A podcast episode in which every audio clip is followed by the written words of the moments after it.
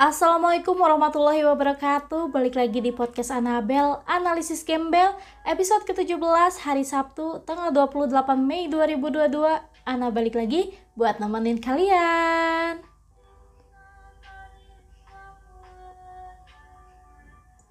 Fire spreading all around my room. My world's so bright, it's hard to breathe But that's alright. Hush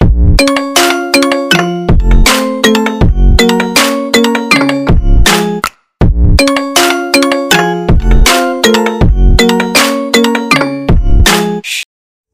weekend everyone. Berasa banget ya. Setiap hari itu kenapa berlalu begitu cepat Terus tiba-tiba udah hari Sabtu lagi aja gitu kan. Ada yang lagi malam mingguan Atau lagi diem di rumah? Mending dengerin podcast ini kali ya.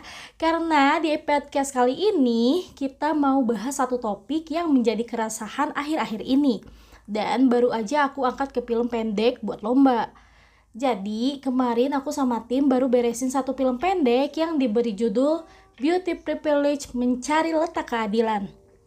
Premis dari film ini sebenarnya berangkat dari keadilan hanya milik si rupawan. Film ini menceritakan tentang satu tokoh orang siswa bernama Resma yang besar dari keluarga sederhana. Resma ini selalu berusaha untuk berprestasi, mengejar-ngejar nilai, gimana caranya supaya nilainya tuh bagus terus. Bahkan, ia juga dinobatkan sebagai juara umum di sekolahnya. Karena juara umum itu, akhirnya Resma dipercaya untuk menjadi perwakilan dari sekolah untuk sebuah acara penting.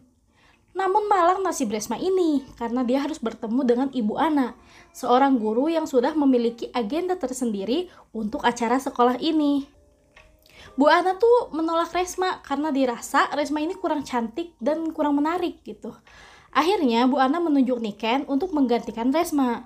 Niken memiliki paras yang lebih cantik, terus penampilannya juga lebih rapi, dan tentunya kalau kata orang-orang sih dia lebih good looking gitu. Selain itu, alasan Bu Ana menunjuk Niken adalah karena Niken merupakan anak dari pejabat di sekolah itu. Sebagai balas jasa, Niken harus menyampaikan permintaan Bu Ana untuk naik jabatan ke ayahnya itu.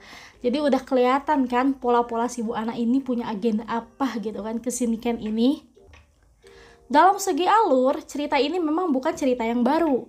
Namun, tanpa kita sadari, hal ini tuh sering kita temuin gak sih? Pernah denger gak istilah kalau kamu good looking, maka 50% masalah hidupmu akan selesai? Istilah itu berangkat memang dari berbagai peristiwa yang bisa jadi ada di sekitar kita. Aku kasih contoh nih dalam film Imperfect karya Ernest Prakarsa. Tokoh utamanya, si Rara tuh kan pinter banget tapi karena dia memiliki masalah dengan berat badan, penampilan yang acak-acakan, akhirnya dia tidak dipercaya meski bosnya sendiri mengakui skillnya memang mumpuni. Namun setelah Rara berusaha berubah, akhirnya ia lebih dihargai banyak orang, termasuk musuh-musuhnya. Sebenarnya yang jadi pertanyaan itu, parameter untuk menentukan seseorang good looking atau enggak tuh dari mana sih? Standar apa yang digunain? Apakah berdasarkan berat badan? Apa berdasarkan branded yang ia pakai? Atau ada juga sih yang bilang kalau good looking itu dilihat dari simetris bentuk wajah. Kalau kita nyari di Google nih, cara supaya good looking, pasti yang muncul tuh nggak jauh seputaran fisik. Sedangkan kita tahu kalau fisik tuh ada yang dari bawaan lahir, hormonal, bahkan kalau kita mau merubah bentuk pun, kalau secara alami kan nggak secepat pakai Photoshop gitu kan. So, menurut aku, fisik nggak seharusnya jadi acuan. Nah, soal privilege, sering kali kita menemui banyak kemudahan-kemudahan yang ditawarkan kepada beberapa orang yang tanda kutip istimewa, ya meski sebenarnya itu juga subjektif pasti, karena preferensi orang kan beda-beda. Sama kayak kasusnya si Resma nih, Bu Ana menilai kalau Niken ini lebih menarik, meski ada agenda lain di belakangnya ya. Kesempatan Resma untuk menunjukkan kemampuannya justru diberikan kepada Niken yang bisa saja sih si Niken ini tidak memiliki prestasi sebagus Resma. Di ending, Resma terlihat sedih, murung. Itulah kurang lebih gambaran kita kalau lagi insecure.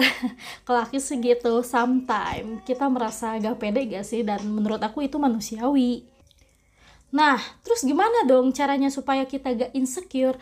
Ada beberapa tips yang bisa kita lakuin bareng-bareng. Yang pertama, kita harus bersyukur. Oke, bersyukur. Mungkin terdengar basic ya, tapi menurut aku, rasa syukur kita akan meredakan ego yang menggebu karena mungkin selama ini kita selalu merasa kurang. Yang kedua, terus improve diri. Ingat, untuk menjadi cantik, kita bisa mengoptimalkan tidak hanya melalui fisik saja. Bisa pakai apa? Bisa nambah soft skill, terus belajar banyak hal baru, lakuin apa kesenangan kita, hobi kita, bikin diri kita tuh sehappy mungkin. Kalau kita happy, kecantikan akan terpancar dengan sendirinya. Ingat, Besti, kita masih punya inner beauty. Dan yang ketiga adalah positive thinking. Sometimes kita akan bertemu dengan ketidakadilan yang kita tidak inginkan.